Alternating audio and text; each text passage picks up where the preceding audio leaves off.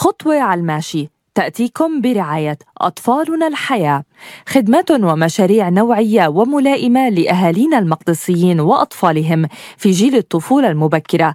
نقدمها لكم من خلال قسم الطفولة المبكرة وصفحة أطفالنا الحياة على مواقع التواصل الاجتماعي.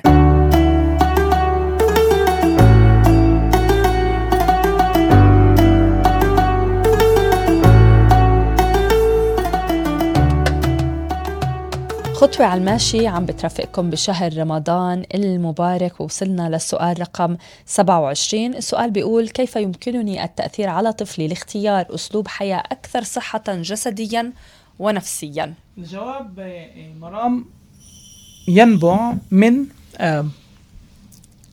توفير عادات وفعاليات صحية يلي الطفل بيقدر يشوفها ويقلدها. يعني مثلا إذا الوالد أو الوالدة بشكل عام إيه، بيقوم بفعاليات رياضية فمش غلط إنه يصير كمان على وقت على وقت الكورونا كان في كتير شائع فكرة التدريبات المنزلية اللي أنت أه. بتاخذي باكج بكون مدرب منزلي وبتصيري تطلع عليه ويقلد فأنا إيه، بذكر إنه ابني كان إيه، ينضم لوحده من عماته وكان كتير ينبسط في في حلو. في في في هاي يعني الرياضة اللي هو يقلد هاي الحركات فعمليا بهذا المحل أو في هذا آه، الإطار لما الولد بيشوف إنه في حدا بيقدر يقلده وبعد هيك بتم تشجيعه بالتسجل لدورة من دورات المهارات. وأنا هون بقول كتير مهم في الأعمار الأولى مش مهم شو هي الدورة على قد ما مهم إنه هو بيشارك وبيلتزم وهو بعدين راح يكتشف حاله.